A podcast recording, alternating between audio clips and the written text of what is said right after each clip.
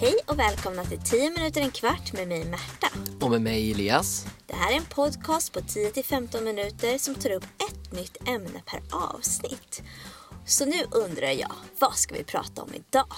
Idag ska vi tala om någonting som ligger mig väldigt varmt om hjärtat. Fast jag kanske egentligen skulle säga kallt om hjärtat. För vi ska prata om glass.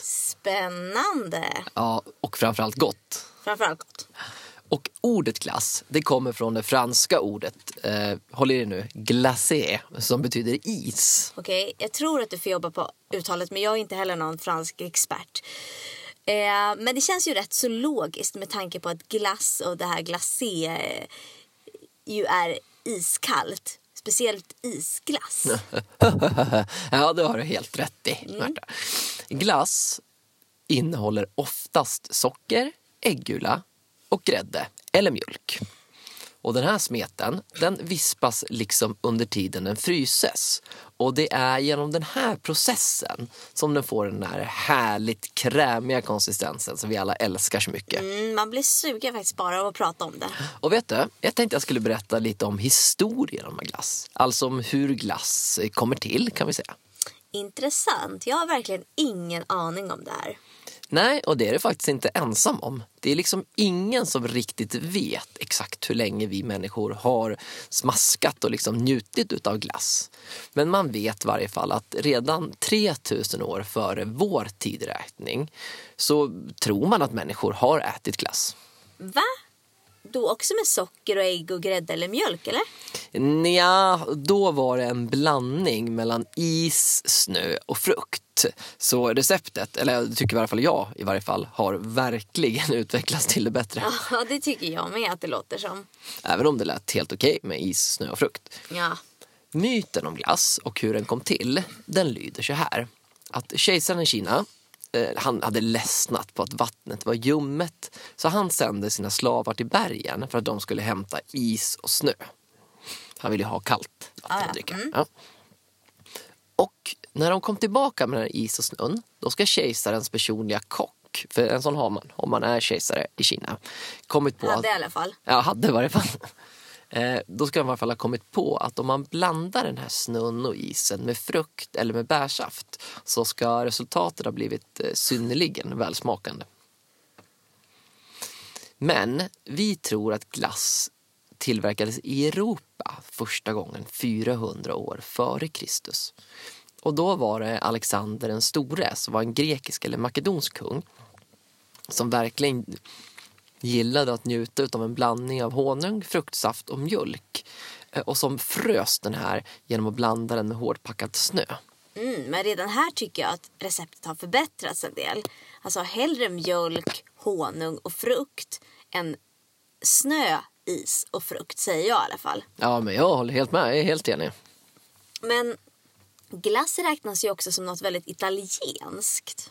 Ja, Italien och italienarna de är ju väldigt kända för sin glass. Och faktiskt så var det så att under de första århundradena efter Kristi födelse så fanns det butiker i Rom som sålde heta drycker på vintern och kalla eller till och med frysta drycker på sommaren. Lite som slush tänker jag nu. Ja, men lite som slash. Hur gjorde de då? Jo, de kalla de framställdes med snö som hämtades från bergen utav slavar. Och snön den användes sen för att frysa honung och fruktkött till glass. Så det här var också liksom en blandning utav snö, och honung och frukt. Ja, okej. Eh, men hur kom glassen till Sverige? Ja, i Sverige så vet vi att det finns glasstillverkning redan på 1700-talet. Det finns bland annat Eh, ett recept i Kajsa Wargs kokbok från år 1755 eh, om hur man tillverkar glass.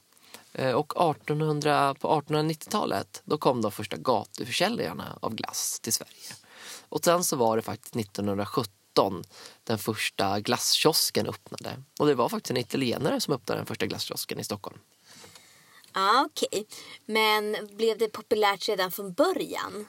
Det här med glass? Eller vissa nyheter kan ju vara lite så här att folk är avvaktande till en början. Jo, men det tog ett litet tag. Eh, Det gjorde det. Men man brukar säga att glassen slog igenom ordentligt sommaren 1955.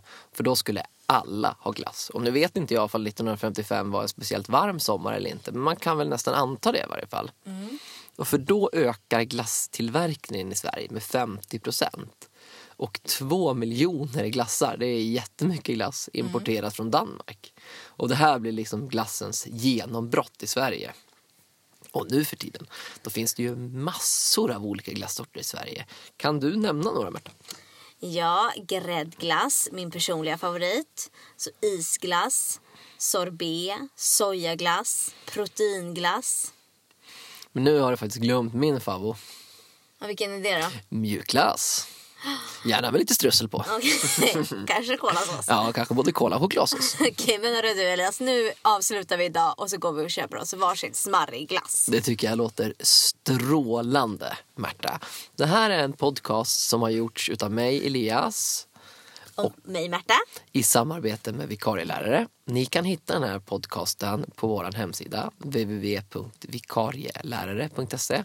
Här finns det en kunskapsbank där ni kan logga in med användarnamnet vikarielärare med litet v.